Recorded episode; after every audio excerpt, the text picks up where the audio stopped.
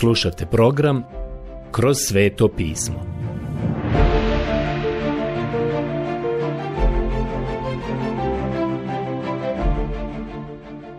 Knjiga Postanak. Odlomak Postanak poglavlje 29 od 30. stiha do poglavlja 31 7. stiha. Danas ćemo nastaviti naše proučavanje. Pročitat ćemo sada 30. stih u 29. poglavlju knjige Postanka. On imade i s Rahelom ženitbeno općenje. Rahelu je više volio nego Leu i tako je on još daljnjih sedam godina služio kod Labana. Vidite, Jakov, kao što smo i vidjeli prošli put, je bio potpuno prevaren od strane svog ujaka. Ujak mu je obećao da će mu dati Rahelu ako mu bude služio sedam godina. Jakov je vjerno služio tih sedam godina i šta je dobio? Dobio je leu. Vjerujte mi da je izvukao deblji kraj. Jadni Jakov je sigurno bio razočaran. Ali prisjetite se da je i on sam prevario svog oca, a prevario je i vlastitog brata. Pretvarao se da je stariji sin iako je bio mlađi. Sada je i sam dobio stariju kćerku za ženu iako je mislio da će dobiti mlađu. Dakle, on sada mora služiti Labanu još sedam godina. I polako uči da loša djela imaju svoje posljedice i da dolaze na naplatu i da sve što čovjek posije, to će požnjeti. Sada ga je ujak Laban natjerao da služi dvostruko duže nego što je on bio prvobitno pristao, a i to je bilo predugo. Vjerujte mi, to je dugačak vremenski period. Jakov je služio 14 godina. Možda će neko reći da mu je to dugačko služenje donijelo dvije žene. I to je tačno. A neko drugi će reći, to je u Bibliji. Bog mora da je to odobrio. Međutim, Bog ne odobrava sve ono što je zapisano u Bibliji. To bi moglo iznenaditi neke od vas. Bog nije odobravao da đavo govori laž. Bog nije odobravao Davidovu laž. Bog nije odobravao ni Davidov grijeh. Sudio mu je zbog toga. Svo pismo je nadahnuto, ali ono što je ovdje nadahnuto nisu pogrešne misli. Ono što je ovdje inspirisano jeste zapis ili riječi. I ovo što čitamo jeste činjen tačan podatak da je Jakov imao dvije žene i kako je došlo do toga. Prijatelji, u tome je inspiracija. To ne znači da je Bog odobravao sve što je zapisano u Bibliji. Bog to nije odobravao i dopustite mi da vam kažem sljedeće. Ovaj čovjek je imao dosta problema u svojoj porodici od ovog trenutka i nadalje, jer sve mu se vratilo zbog njegovih vlastitih metoda koje je koristio, a koje je Bog nije odobravao niti ih je mogao odobriti. Sada ću pročitati stihove 31 i 32. Kad vidje gospodin da je Lea zapostavljena, učini je rodnom, a Rahela ostane erotkinja. Tako Lea zatrudnje i rodi sina, kojemu nadjenu ime Ruben, jer, reče ona, gospodin pogleda na jad moj. Sada će me ljubiti moj čovjek. I tako je Lea bila jedna prilično tužna osoba, jer je znala da njen muž više voli njenu sestru nego nju. A sada je postala Rubenova majka. I to joj je sigurno razveselilo srce jer je on bio najstariji sin. On nije bio onaj u rodoslovnoj liniji iz koje je trebao doći gospod Isus Krist. Zapravo, ona linija koja će dovesti do Krista će biti kroz judu, a to je bio posljednji sin kojeg je Lea dobila. Vidite, Lea je imala četiri sina. Imala je Rubena, a zatim čitamo ovdje u stihu 33 da je dobila Šimuna. U stihu 34 je zapisano da je dobila Levija. Lea je zapravo rodila i bila majka nekim značajnim dječacima od ukupno 12 Jakovljevih sinova. Lein četvrti sin se spominje u 35. stihu i to je Juda a od Jude će poteći onaj koji će biti rodonačelnik kraljevske loze. David je bio u ovoj rodoslovnoj liniji, a kasnije i sam gospod Isus Krist koji je po tijelu došao iz Judine loze. Levi je bio začetnik svešteničkog plemena, a Ruben je izgubio svoj položaj prvorođenca, sjetit ćete se, zbog svog grijeha. Sada imamo ova četiri dječaka koji su bili Lejni sinovi. 30. poglavlje rođenje Jakovljevih sinova. I kada dođemo do 30. poglavlja, ponovo vidimo da Bog djeluje i radi uprkos čovjekovom grijehu. Uprkos grijehu ovog čovjeka Jakova. Ne zbog toga, nego usprkos tome. I vidimo sada da je ovaj čovjek Jakov uznemiren. Dopustite mi da pročitam prvi stih u 30. poglavi. Kad Rahela vidje da ne rađa djece Jakovu, poče Rahela zavidjeti svojoj sestri i reče Jakovu. Daj mi djece, inače ću umrijeti. Vidite, u to vrijeme žena bi živjela u sramoti ukoliko nije imala potomstvo. I šta više, što ih je više imala, to je bilo bolje za nju, odnosno njen položaj. Molim vas obratite sada svoju pažnju na stihove 2 i 3. Tada se Jakov rasrdi na Rahelu i reče, Zar sam ja, a ne Bog, koji ti uskrati blagoslov djece? Ona odgovori. Evo ti osobna moja sluškinja Bilha, opći s njom da ona rodi za moje krilo te tako po njoj dođem do djece. Ponovo vidimo da je to bila praksa u ono vrijeme. Siguran sam da će se oni od vas koji prate ovo proučavanje sjetiti da su tu praksu praktikovali i Abraham i Sara, a Bog to tada nije odobrio i neće to odobriti. Imamo ovdje zapis o tome i to je tačan zapis, ali to ne znači da je Bog to i odobrio. Zapravo, sasvim je očigledno da Bog to nije odobrio. Tenzije i svađe koje smo već ranije vidjeli bile su uobičajena stvar u Abrahamovoj porodici. Bilo je to uobičajeno i u Izakovoj porodici. I to smo već ranije vidjeli, a sada je to postalo uobičajeno i u Jakovljevoj porodici. I njega je čekalo mnogo više nevolja. Vidimo da je Bilha bila Rahelina sluškinja i da je rodila Dana i Naftalija a zatim vidimo da je Zilpa, Lejna sluškinja, rodila Gada i Ašera. A imamo ovdje i još jednog sina, Jisakara. Da ne čitam sada sve te stihove u ovom poglavlju, sve to možete i sami pronaći i pročitati. To je samo zapis o rođenjima ovih dječaka. Vjerujem da znate da su ovih 12 Jakovljevih sinova veoma važni, jer će od tih 12 sinova nastati 12 Izraelovih plemena, odnosno od njih će nastati narod. Jakov je imao pune ruke posla sa ovih 12 dječaka. Vidimo da je među njima bila i jedna djevojčica koju je rodila Lea, a zvala se Dina, i pretpostavljam da je i ona imala svoje mjesto i svrhu među njima. Ovdje se također spominju Jisakar i Zebulun. Sada ću pročitati 22. stih i dalje sve do 24. stiha. I spomenu se Bog Rahele, usliša je i darova joj radosti majčine, ona zatrudnje i rodi sina. Tada reče, oduze Bog moju sramotu i nadjenu mu ime Josip i reče, neka mi gospodin pridoda još jednog sina. Ovo je dječak koga ćemo slijediti dok ide dole u zemlju Egipat kako bi napravio put za njegovu ostalu braću. On je jedan izvanredan čovjek. Priču o njemu ćemo ostaviti za neki drugi put, ali ćemo sigurno obraditi i njegov život, budite sigurni. Jakov se sprema napustiti Labana. Pročitat ću sada stihove 25 i 26. Kad Rahela rodi Josipa, reče Jakov Labanu, pusti me, htio bih poći u svoje mjesto i u svoju domovinu. Daj mi moje žene i djecu za koje sam ti služio da idem. Znaš kako sam ti služio. Ovaj zapis koji se nalazi ovdje je veoma značajan, jer ćemo vidjeti da je ovaj čovjek Laban zaista maltretirao Jakova, svog zeta i svog nečaka. Poslušajte šta ujak Laban ovdje govori. Vidjet ćemo da Jakov neće tako lako otići od njega. Možete biti sigurni u to. Jakov želi pobjeći i njemu sada ujak Laban kaže u 27. stihu. Laban mu odgovori. O, da bih našao milost u tvojim očima Znam, gospodin me je blagoslovio zbog tebe. Ovdje vidimo nešto veoma zanimljivo. Sjećate se da je i Abimelek, kralj Gerara, tako nešto shvatio kada se Izak nalazio u njegovoj sredini. Bio je blagoslovljen zbog Izakove prisutnosti. Ovo je nešto što je i ujak Laban otkrio, da je Bog sa Jakovom i da ga je blagoslovio. I ujak Laban je rekao, slušaj mladiću moj, nemoj žuriti, ne ostavljaj me, ostani ovdje, Zbog tebe sam i ja sam blagoslovljen i želim ti povećati platu. Platit ću ti više. Poslušajte šta Laban kaže Jakovu u stihu 28. I on nastavi. Odredi plaću što je tražiš od mene, daću ti je.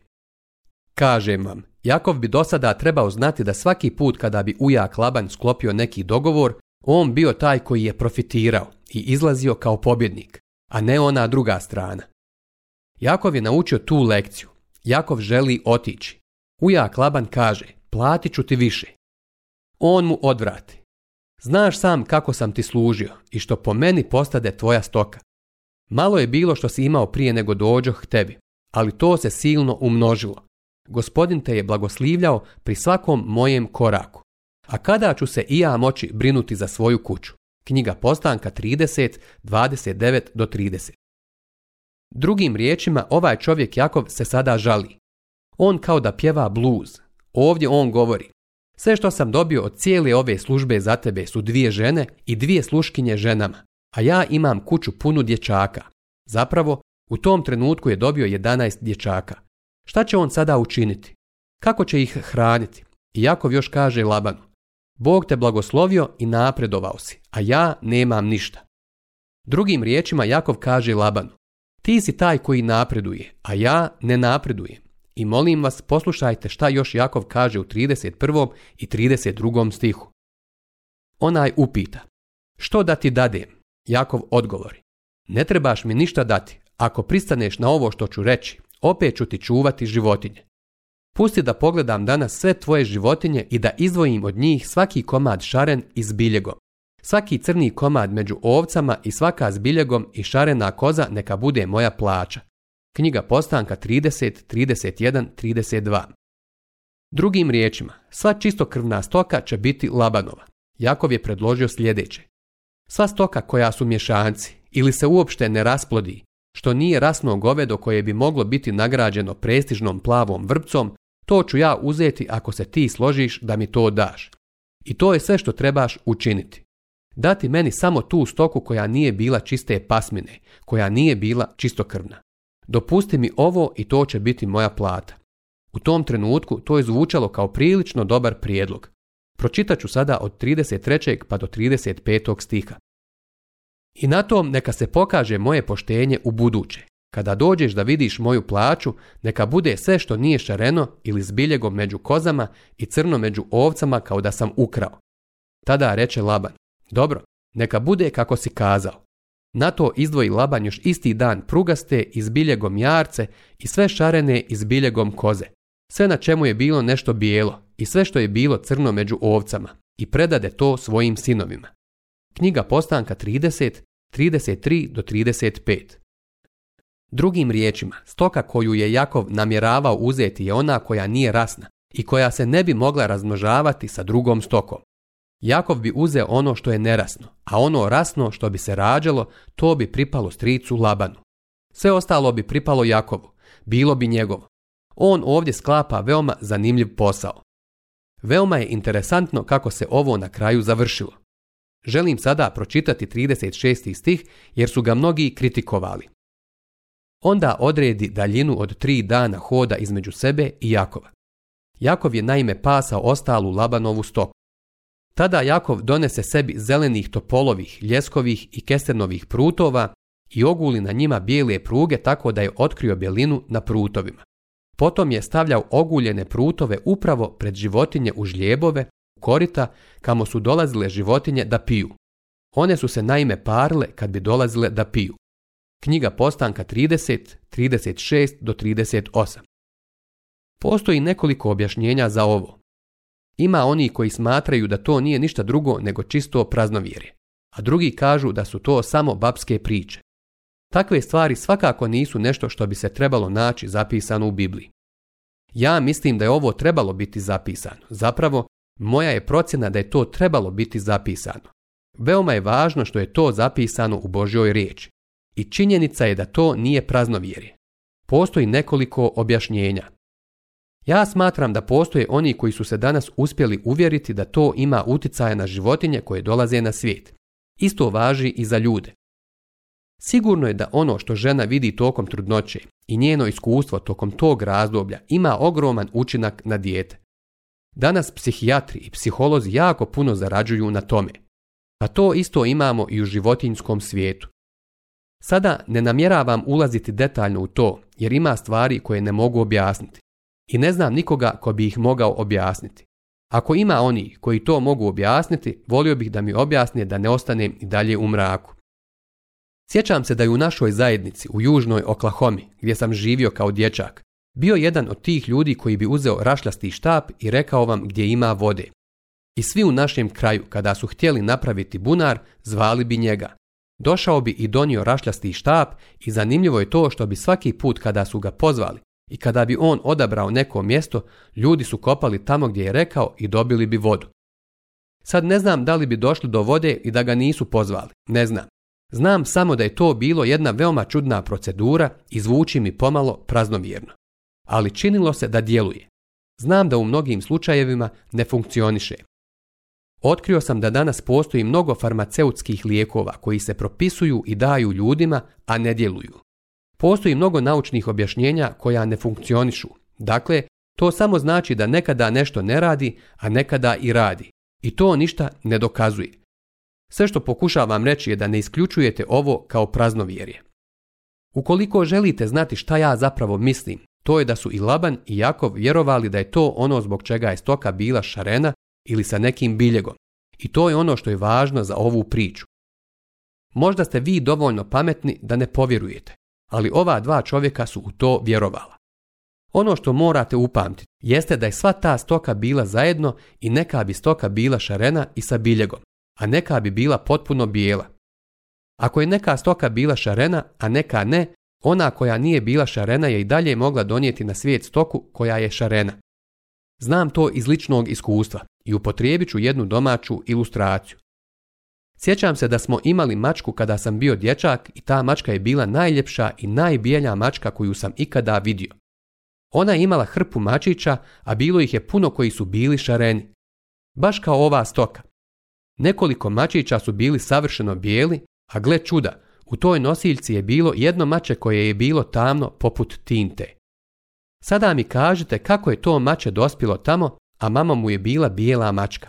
Snježno bijela mačka a dobila je crno mače, pa onda jedno šareno i treće potpuno bijelo. Sigurno je negdje ranije srela crnog mačka, to znam. Ali zašto je jedno bilo savršeno bijelo, a drugo crno? E to se događalo i sa ovom stokom.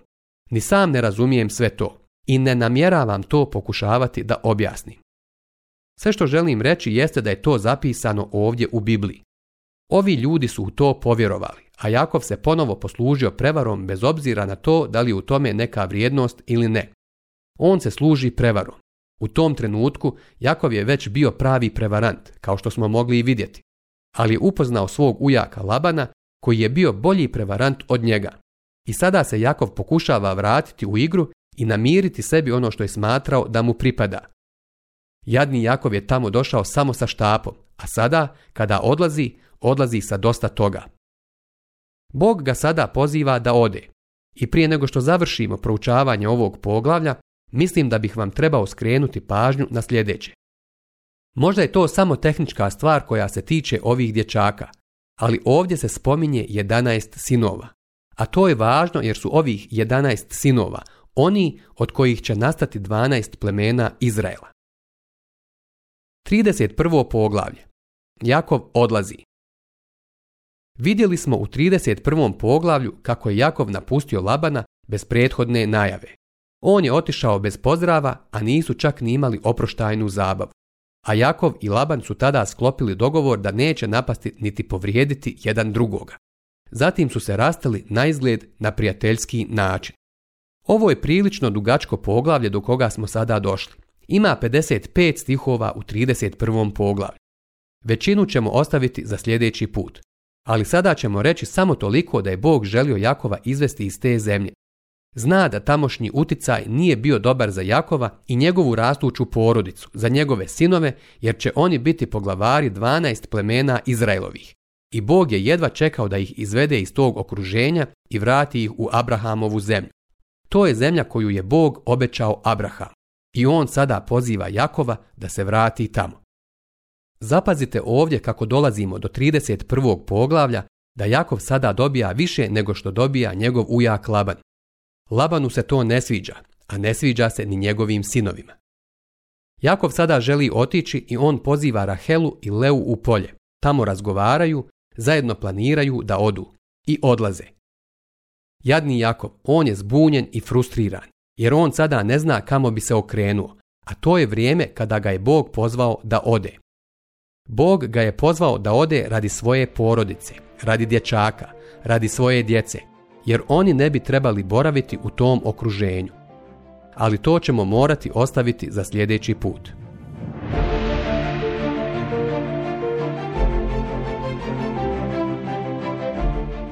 Slušali ste emisiju Kroz sveto pismo. Možete nas slušati i na našem YouTube kanalu, putem mobilne aplikacije, te na svim glavnim podcast platformama kao što su Google, Apple i Spotify. Ako vam se naši programi dopadaju, preporučite ih i podijelite s drugima.